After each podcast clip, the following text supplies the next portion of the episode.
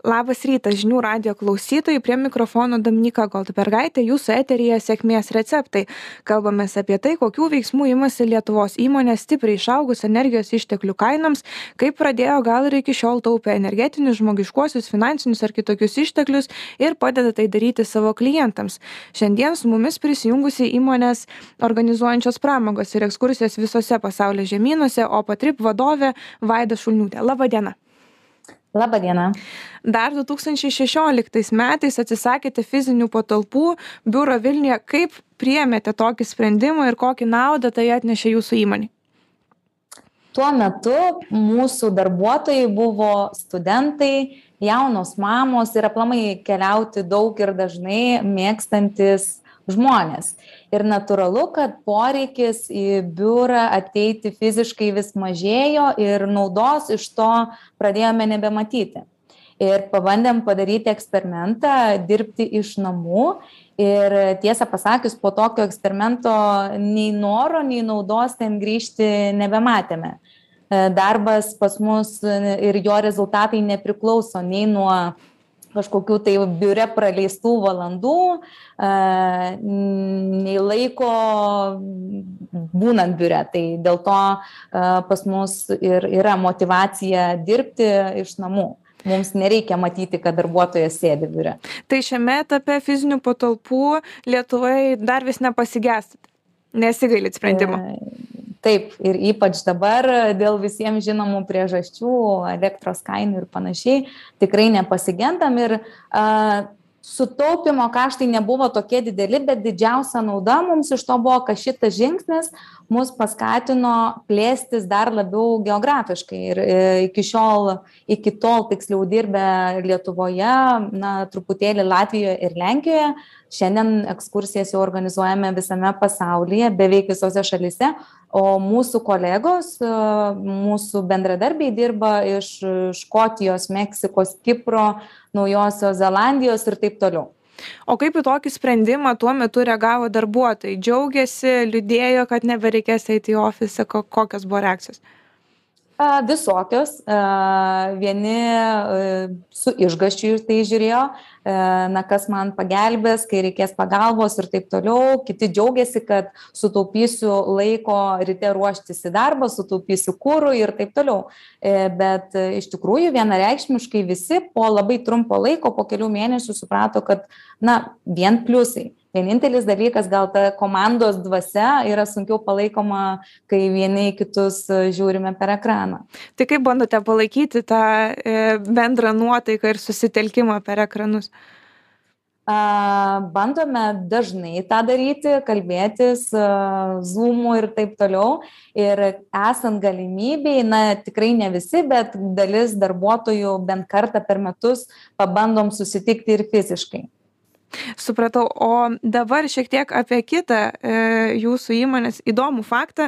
E, man pasirodė, per mėnesį savo įmonėje turite nuo 10 iki 30 praktikantų iš viso pasaulio. Kaip tai yra apskritai įmanoma?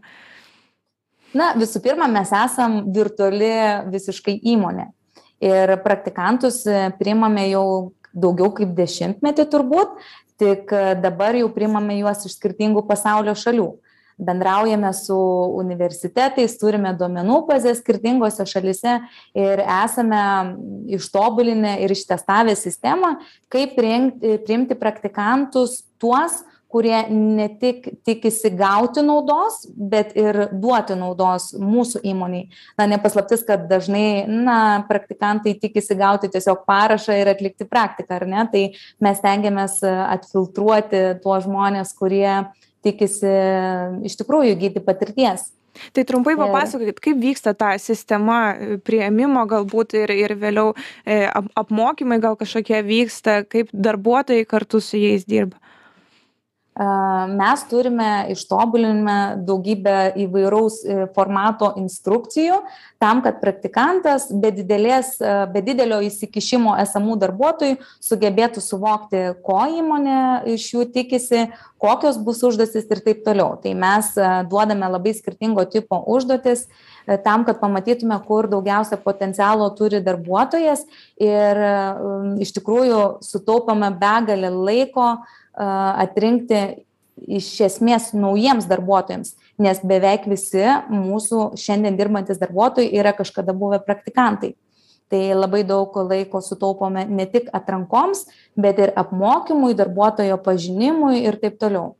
Tai dalis įmonių dar privengia priimti praktikantus. Kaip manote kodėl taip yra a todėl kad pati dažnai girdžiu iš kitų įmonių kad praktikantų priėmimas neva yra laiko švaistymas aš daugiau laiko sunaudosiu jiems apmokyti negu kad gausiu naudos. Tai iš tiesų taip būtų jeigu juos priimame nepasiruošę ir pavyzdžiui mūsų atveju kadangi mes siūlome galimybę dar būnant praktikantu tapti praktikantų mentoriumi tai yra apmokyti kitus praktikantus mums praktikantų rotacija nėra skausmingas o kaip tik labai paprastas ir patogus procesas.